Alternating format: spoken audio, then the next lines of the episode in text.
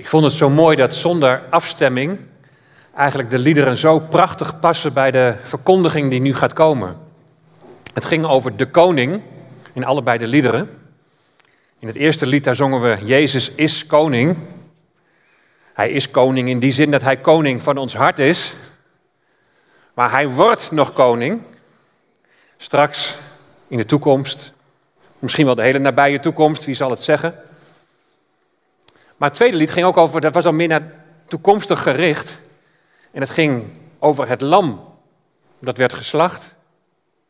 En de leeuw in al zijn pracht. Nou, dan zijn we gelijk bij het thema van deze morgen. Jezus' tweevoudige komst. Het lam dat is geslacht en de leeuw die komt in al zijn pracht. Maar hoe halen we dat nou uit Genesis 38? Als je je Bijbel bij je hebt, sla hem open en lees mee. Ik vond het ook altijd behulpzaam als ik zelf luisterde om eh, aantekeningen te maken. Van dan blijft er toch wat beter bij. Er wordt soms veel gezegd. Maar je kunt ook natuurlijk met een livestream altijd even weer terugluisteren. Genesis 38 en dat gaat over Juda en Tamar. En dat is in de serie over Jozef. Alleen dit hoofdstuk gaat helemaal niet over Jozef. We gaan het helemaal lezen, heel hoofdstuk 38. In diezelfde tijd verliet Juda zijn broers en sloot hij zich aan bij een zekere Gira, een man die in Adullam woonde. Daar viel zijn oog op de dochter van de Kanaaniet Sua. Hij trouwde haar en sliep met haar. Ze werd zwanger en bracht een zoon ter wereld, die Er werd genoemd. Daarna werden ze opnieuw zwanger. Oh, ik ging geloof ik even wat te snel. Want na vers 1 was er al een kaart en die sloeg ik heel snel even over. Misschien kan die nog even weer terug.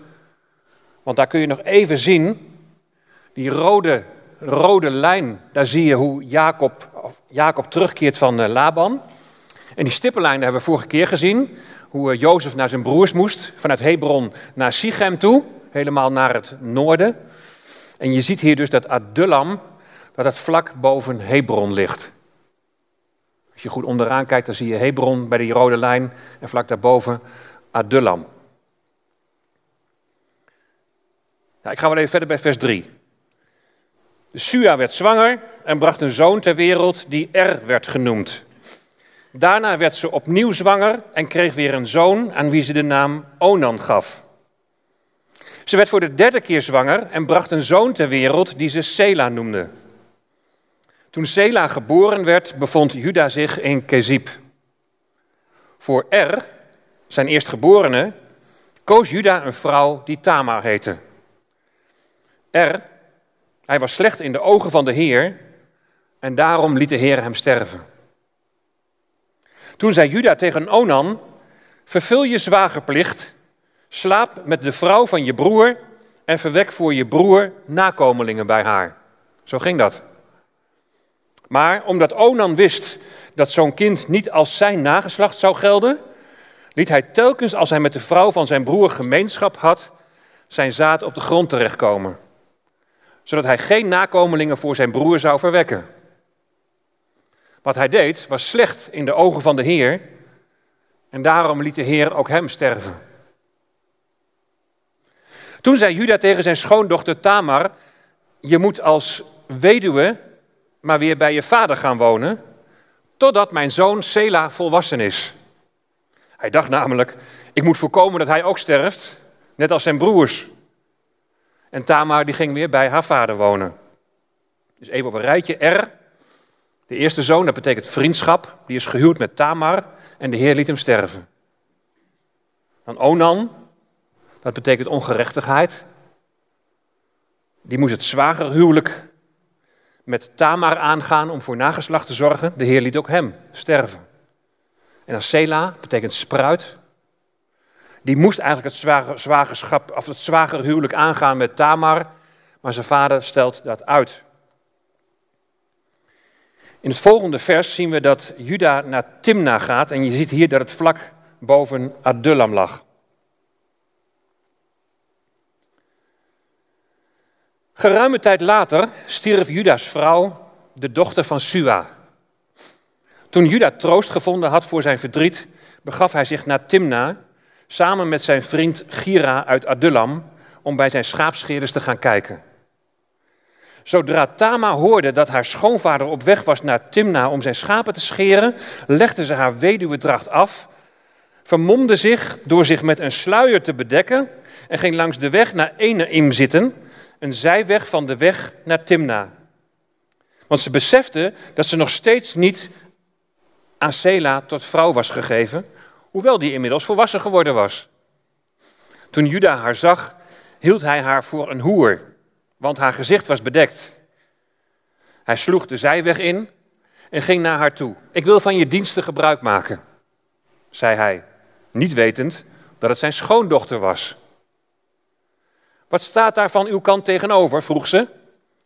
Hij zei: Ik zal een geitenbokje uit mijn kudde laten brengen, antwoordde hij. Goed, zei ze, maar geeft u mij dan zolang iets als onderpand?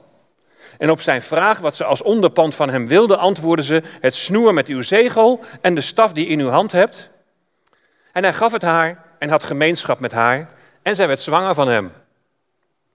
Daarna ging ze terug naar huis, deed haar sluier af en nam haar weduwedracht weer aan. Juda vroeg zijn vriend uit Adullam een geitenbokje naar de vrouw te brengen om het onderpand weer op te halen, maar hij kon haar niet vinden. Hij informeerde bij de mensen daar in de buurt. Ik ben op zoek naar de vrouw die onlangs bij de weg naar Enaim haar gunsten aanbood. Zo'n vrouw is hier niet geweest, antwoordde ze. Dus ging hij naar Juda terug. Ik heb haar niet kunnen vinden, zei hij. Sterker nog, de mensen daar beweren dat er nooit zo'n vrouw is geweest. Toen zei Juda, laat haar alles dan maar houden, anders maken we onszelf belachelijk. Ik heb het beloofde bokje gestuurd, maar je hebt haar nu eenmaal niet kunnen vinden. Ongeveer drie maanden later kwam, kwam men Juda vertellen dat Tamar, zijn schoondochter, zich als een hoer had gedragen en daardoor zwanger was. Breng haar de stad uit, zei Juda. Ze moet verbrand worden.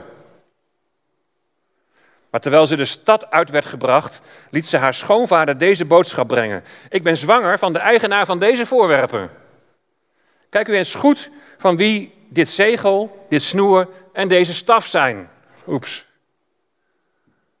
Juda herkende ze en zei: Niet zij is schuldig, maar ik. Want ik heb haar niet aan mijn zoon Sela tot vrouw gegeven. Hij had geen tweede keer gemeenschap met haar. Toen de tijd van de bevalling was gekomen, bracht ze een tweeling ter wereld. Tijdens de bevalling stak een van de twee zijn hand naar buiten. De vroedvrouw bond een rode draad om zijn hand ten teken dat hij zich het eerst had laten zien. Maar hij trok zijn hand weer terug. En daar kwam zijn broer tevoorschijn. Wat een baanbreker ben jij, zei ze. Hij kreeg de naam Peres. Daarna kwam zijn broer Daarna kwam zijn broer met om zijn hand de rode draad. Hij werd Serach genoemd. Nou, tot zover. Wat een geschiedenis. Ik heb overwogen om dit hoofdstuk uh, over te slaan. Je zit net in een spannende film Jozef door zijn broers in de put gegooid, verkocht, onderweg met een slavenkaravaan naar Egypte. En dan wil je natuurlijk bij de volgende aflevering wil je weten, hoe gaat dat nou verder? En dan ineens een tussenliggend hoofdstuk wat helemaal niet over Jozef gaat, maar wat gaat over zijn halfbroer, over Juda. In het volgende hoofdstuk, hoofdstuk 39, daar gaat het pas weer verder over Jozef. Maar toch wil ik jullie deze bijzondere gebeurtenis niet onthouden. Het verhaal dat laat namelijk zien dat ondanks de verkeerde keuzes van mensen, met alle gevolgen van dien, dat God doorgaat met zijn plan. En dat de namen van deze mensen, ondanks hun verkeerde keuzes, ook niet zomaar even worden uitgewist. Ze worden niet even weggemoffeld. We zullen in dit verhaal, in dit bijzondere verhaal, zullen we zien dat er een parallel is te trekken tussen Juda en later de stam Juda, waar hij stamvader van wordt. Het Joodse volk. En vervolgens zullen we zien dat God in de geboorte van deze tweeling duidelijk maakt hoe hij nou zijn plan gaat uitvoeren. En wat je bij dat plan nooit moet vergeten, is dat het gaat om een koninkrijksplan. Dat is eigenlijk de hele rode draad door de Bijbel heen. En Satan is nu nog de overste van deze wereld. Dus je zou de wereld op dit moment het koninkrijk van Satan kunnen noemen. Maar er zal een einde aankomen. En dan zal de Heer Jezus, de Messias, zal regeren. Dus dit, dit zo even als de grote lijn van Genesis 38 met al, een, al even een doorkijkje van waar het nou eigenlijk ten diepste om gaat. Dan gaan we nu iets verder inzoomen. Het gaat dus over Juda. Hij is de vierde in de rij van de zonen van Jacob. Ruben, Simeon, Levi, Juda, de vierde. Nou, ik zei net al, wat een verhaal. Het is toch niet te geloven als je dit leest. Denk nog even aan de vorige keer, Juda die op het idee komt om Jozef te verkopen. En als die, die Joodse bron klopt, dan heeft hij ook nog tien zilverlingen achtergehouden. Dan zou hij ook nog een dief zijn. Juda die trouwt met een Canaanitische vrouw. Nou, dat was nat dan om met een buitenlandse heidense vrouw te trouwen. Juda die zijn zonen niet op Gods spoor weet te houden. Ze moeten toch wel heel ernstig gezondigd hebben, wil, wil God hen laten sterven. Juda die zijn schoondochter voor de gek houdt dat Sela, de derde zoon, dat hij eigenlijk nog de jong, te jong is om, om de zwagerplicht te vervullen. En zwagerplicht houdt in dat Sela voor zijn overleden broer voor nageslacht moet zorgen bij Tamar. En Juda die tenslotte een kind verwekt bij zijn schoondochter, maar dat wist hij dan niet, maar die zich voor een prostituee hield. Die Juda, die staat in de stamboom van de Heer Jezus. Ook Tamar, die haar schoonvader heeft misleid en verleid en zich als een hoer gedroeg. En de tweeling die door prostitutie zijn geboren, hun namen worden niet uitgewist. Kijk maar mee in Matthäus 1. Dus gaan we naar het Nieuwe Testament, Matthäus 1, vers 1 en 2. Dan zien we de stamboom van de Heer Jezus. Overzicht van de afstamming van Jezus Christus, zoon van David, zoon van Abraham. Daar zien we ook trouwens al leeuw en lam. David, leeuw, Abraham, lam. Abraham verwekte Isaac, Isaac verwekte Jacob, Jacob verwekte Juda en zijn broers. Juda verwekte Peres en Zerach bij Tamar. Peres verwekte Gesron, Gesron verwekte Aram. Blijf maar even naar deze tekst kijken. Zerach en Tamar, die hoefden eigenlijk helemaal niet vermeld te worden. Er had gewoon kunnen staan, Juda verwekte Peres, Peres verwekte Gesron. En zo ging het daarvoor ook. Maar dat geeft denk ik al aan dat met die geboorte van die tweeling dat er wel iets bijzonders aan de hand is. De vierde zoon van Jacob. Juda staat in de lijn van de Messias, de Heer Jezus.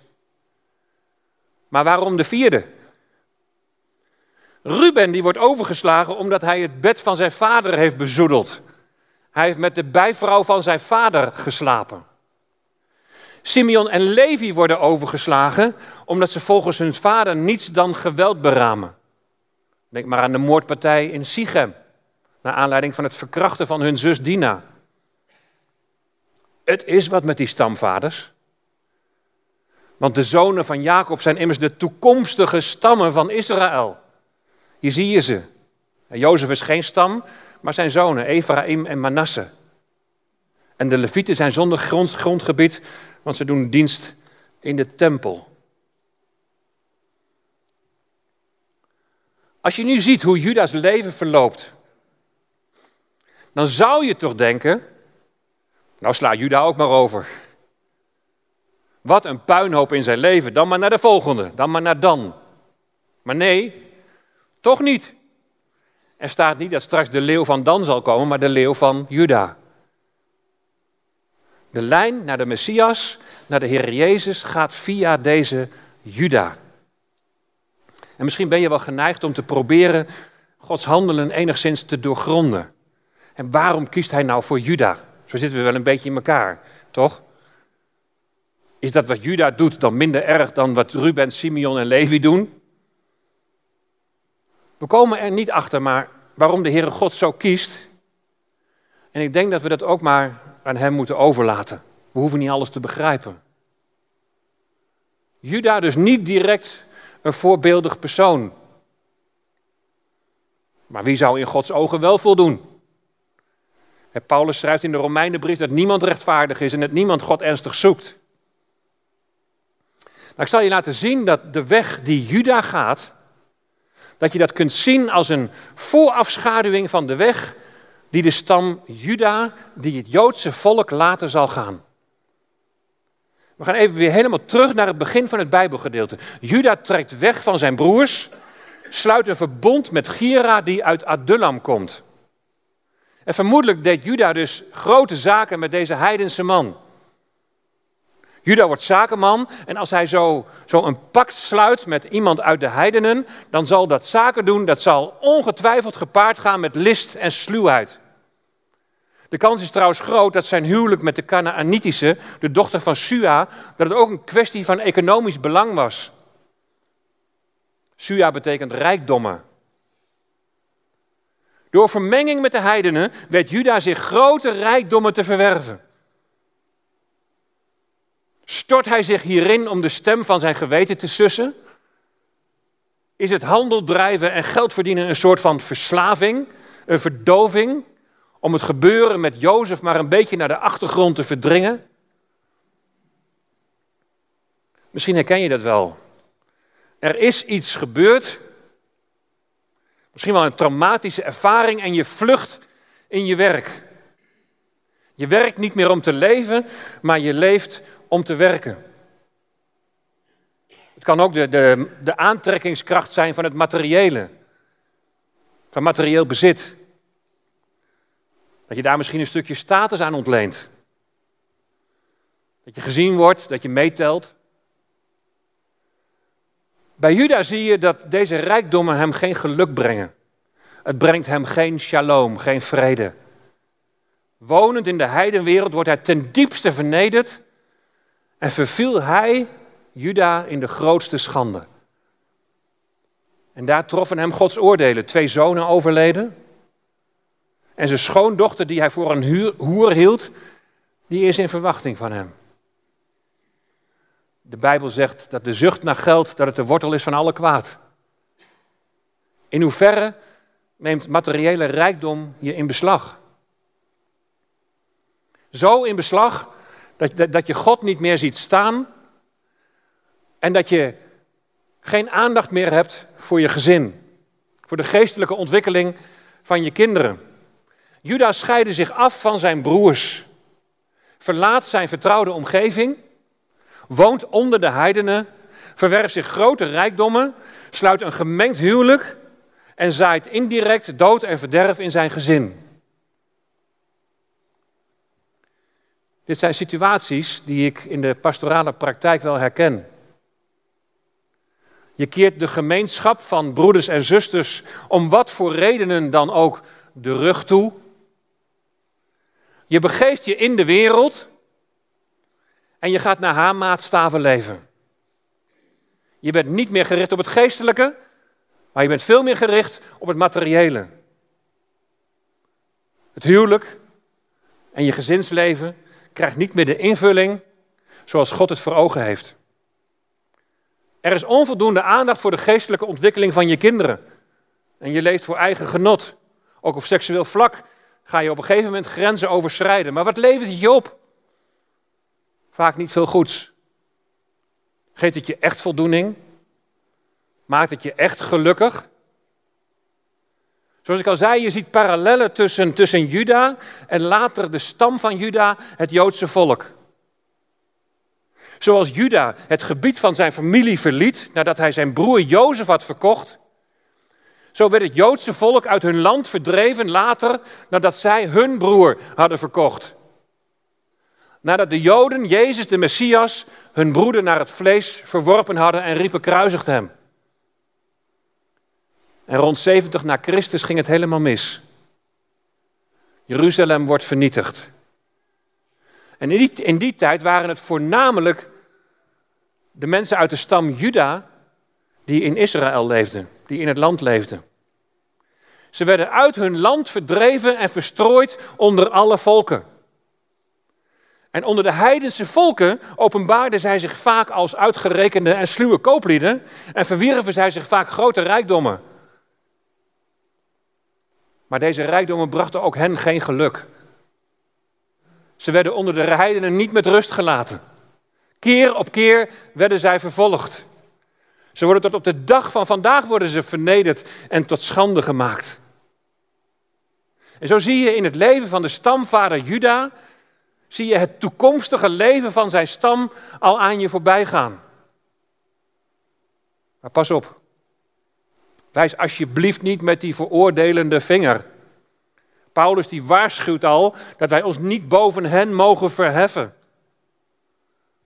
Want zie je, als je eerlijk bent, niet heel veel overeenkomsten met ons leven in het hier en nu. Ben je vrij? Zijn wij vrij van de hang naar het materiële? De hang naar genot? Zijn wij als gelovigen vrij van wat in ons rijke Westen als het hoogste goed geldt? Het materiële en het genot. Datgene wat, wat de oorzaak is van de vele crisissen waar we ons in bevinden. En de diepste oorzaak is natuurlijk dat de mens God de rug heeft toegekeerd. Maar wat is dan Gods antwoord? Dat is een tweeledig antwoord. En dat heeft alles te maken met de geboorte van de tweeling Peres en Zerach. De twee zonen van Juda en zijn schoondochter Tamar. Juda laat zich verleiden tot hoererij, zoals Gods volk andere goden achterna is gelopen. Maar Gods plan gaat door. Gods plan gaat door, ondanks onze tekortkomingen, onze missers, onze fouten, onze zonden, ook als wij afdwalen. Dat betekent niet dat het niet uitmaakt hoe je leeft. En dat er geen gevolgen zijn als je van Gods weg afwijkt. Maar Gods plan gaat door. Hij geeft niet op als de mens hem de rug toekeert. Laten we maar eens kijken naar die wonderlijke geboorte van die tweeling. We lezen nog een keer vers 27 tot en met 30. Toen de tijd van de bevalling was gekomen, bracht ze een tweeling ter wereld. Tijdens de bevalling stak één van de twee, dus Zerach, die stak zijn hand naar buiten. En de vroedvrouw bond een rode draad om zijn hand, ten teken dat hij zich het eerst had laten zien. En dat werd in die tijd gedaan omdat het belangrijk is om vast te stellen wie de eerstgeborene is. Maar hij trok zijn hand weer terug. En daar komt zijn broer tevoorschijn. Wat een baanbreker ben jij, zei ze. Hij kreeg de naam Peres.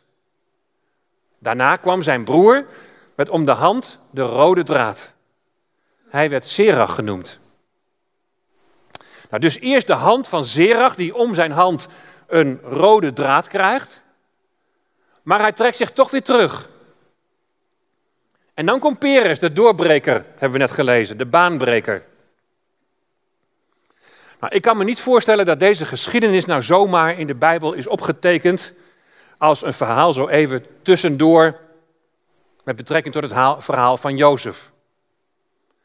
Ik geloof ook niet dat al die namen, al die vier namen van Juda en Tamar en de tweeling, dat die, dat die zomaar in, de, in, de, in het geslachtsregister van de Heer Jezus worden genoemd. Weet je, zoals het verhaal van Jozef ons al een, al een vergezicht geeft naar het doel van Gods plan, dat met koninkrijk en met troon en met regeren te maken heeft. En Jozef een type is van de Heer Jezus, zo geloof ik ook dat deze geschiedenis ons iets daarover te zeggen heeft.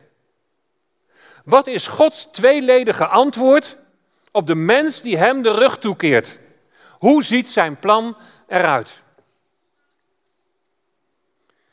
In 1 Petrus 1, vers 9 staat dat het einddoel onze redding is. Onze redding is belangrijk, want je kunt wel een koninkrijk willen vestigen, maar als in het koninkrijk geen onderdanen zijn, dan is er ook niet sprake van een koninkrijk. Dus wij moeten gered worden. En dan staat er in vers 10, wat die redding inhoudt, trachten de profeten te achterhalen. Toen ze profeteerden over de genade die u ten deel zou vallen. Zij probeerden vast te stellen op welke tijd en op welke omstandigheden Christus geest die in hen werkzaam was, doelde toen deze voorzegde dat Christus zou lijden en daarna in Gods luister zou delen. Dus de profeten die vroegen zich af wanneer de Christus, de Messias, zou lijden, zijn eerste komst. En wanneer dan het moment zou aanbreken dat de Christus, de Messias, in Gods luister zou delen.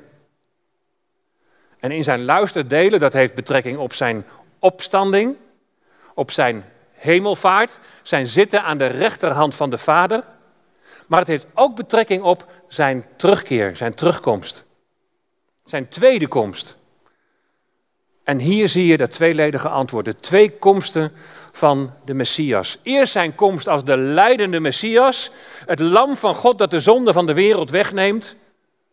Maar daarmee is het nog niet klaar. Nee, zo wordt de weg gebaand naar het uiteindelijke doel. En dan zijn tweede komst in heerlijkheid, de leeuw van Juda, de koning van Israël, de heerser over alle volken.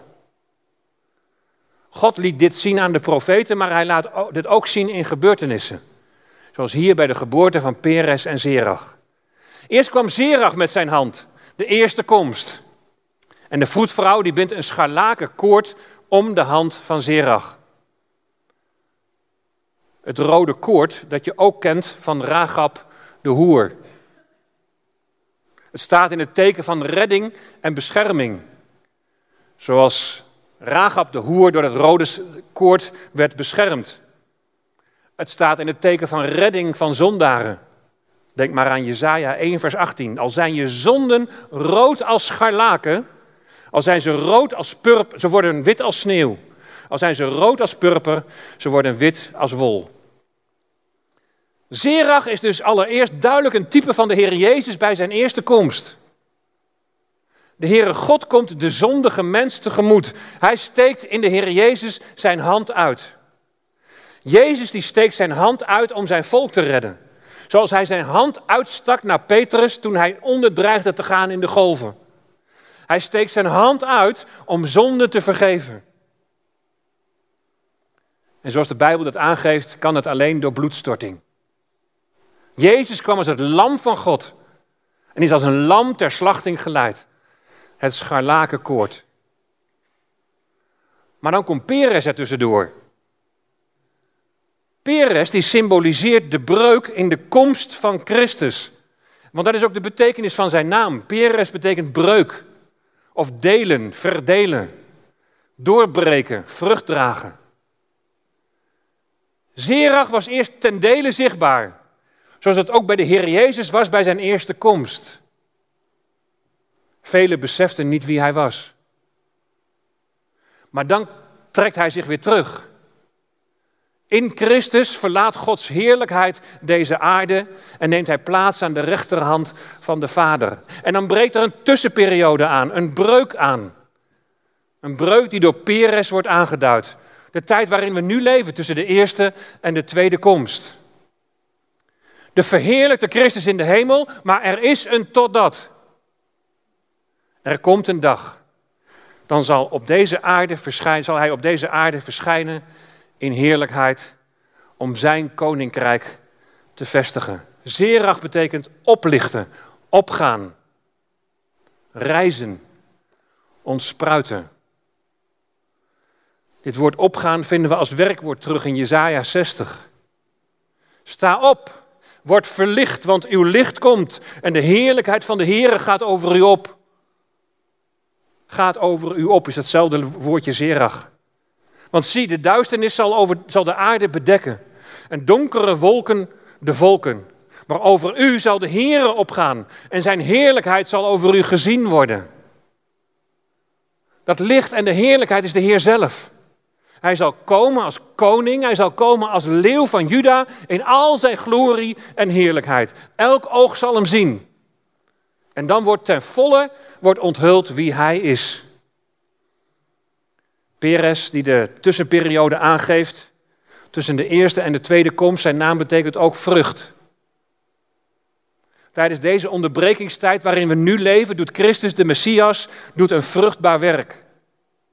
Hij is bezig met de formering van zijn gemeente, het lichaam van Christus.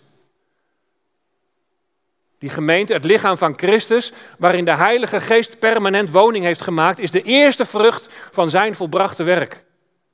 En op een dag, als Gods bazuin klinkt en de aartsengel roept, zal de Heer zijn lichaam tot zich nemen. De een zegt dat dit zal zijn voor de zeven jaar van grote verdrukking die over deze aarde zal komen. En daarna de wederkomst van de Heer Jezus. De ander zegt het zal zijn tijdens de zevende bazuin in het boek Openbaring. Dan ligt het allemaal wat dichter bij elkaar. Anderen zeggen weer ja, het is gelijktijdig. Hoe het ook zij, na de opname zal de Heer Jezus Christus bij zijn wederkomst gezien worden op deze aarde in al zijn heerlijkheid en wij met hem. Dan wordt het koninkrijk der hemelen, dat Jezus verkondigde, wordt realiteit hier op aarde. Dan heeft niet Satan het meer voor het zeggen. Dan heeft de antichrist het niet voor het zeggen. Dan hebben niet aardse koningen het meer voor het zeggen. Nee, God is de eigenaar van dit koninkrijk, van dit duizendjarig vrederijk, van dit messiaanse rijk. De rechtmatige erfgenaam en koning is de Heer Jezus. De uitverkoren erfgenaam is Israël. En de mede-erfgenamen zijn wij. Gods plan van redding, de verlossing van deze schepping, gaat door. Hoewel ik natuurlijk ook een visie heb over hoe het zit met de opname van de gemeente, ben ik steeds meer geneigd om daar niet al te absolute uitspraken te vaak over te doen. Weet je, uiteindelijk, komt alles goed op zijn tijd en op, op zijn wijze, op zijn manier. Een vraag die ik voor nu veel belangrijker vind is de volgende. Hoe brengen jij en ik deze tussentijd door? Hoe breng je die tussentijd tussen die eerste en die tweede komst nu door? Het is genade van God dat hij ondanks het wereldse leven van Juda via zijn geslacht de Messias geboren laat worden. Maar dat is geen vrijbrief om er maar op los te leven.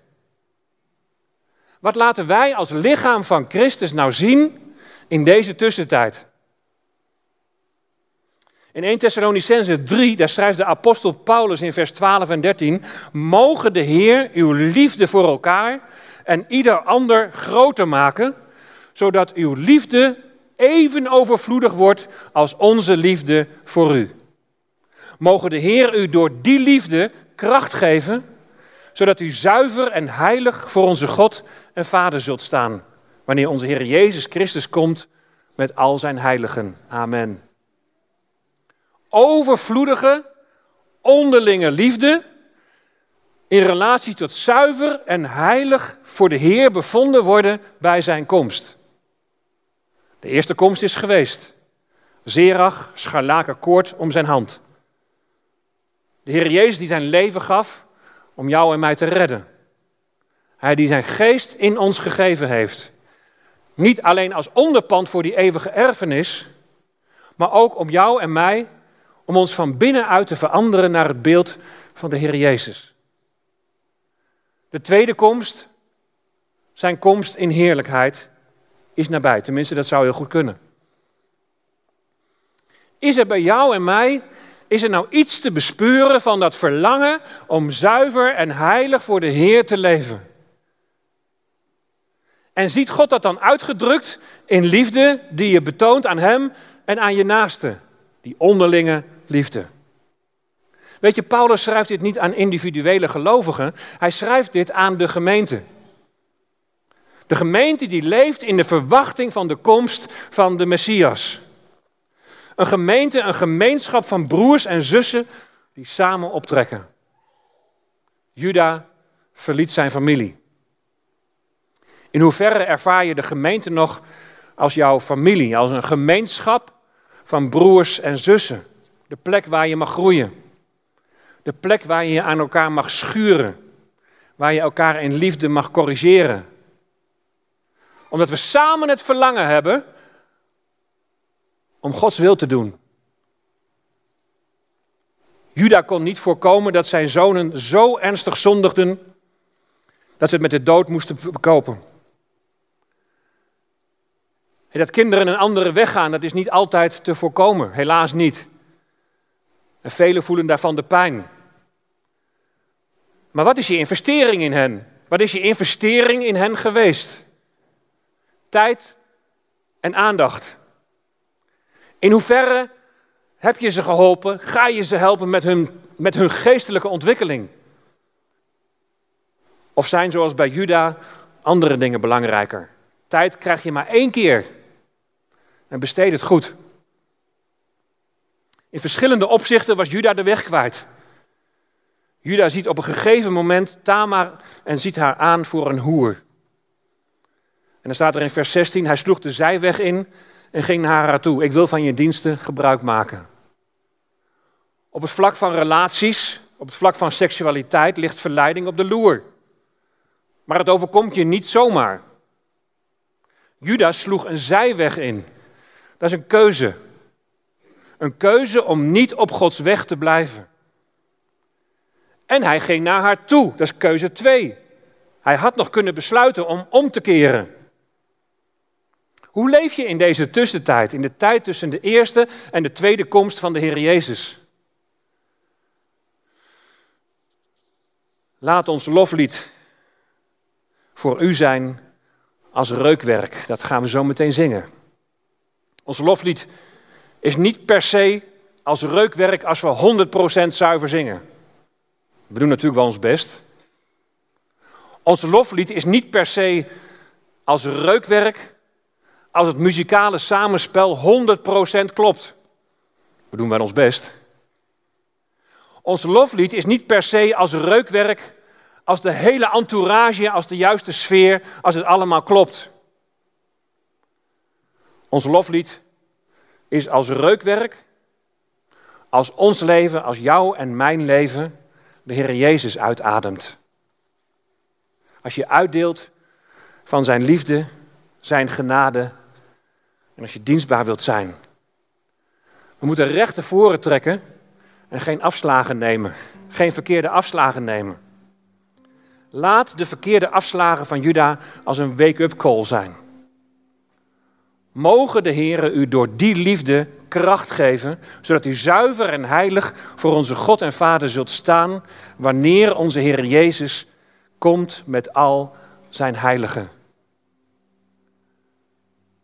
Laat de voltooiing van zijn plan, zijn plan van herstel, Laat dat vooruitzicht en de hoop die voor je ligt, laat je dat rust en innerlijke vrede geven. We hebben iets om naar uit te zien. Verheug je in Hem die komt. Zie uit naar de Heer Jezus en verheug je in Hem. Amen.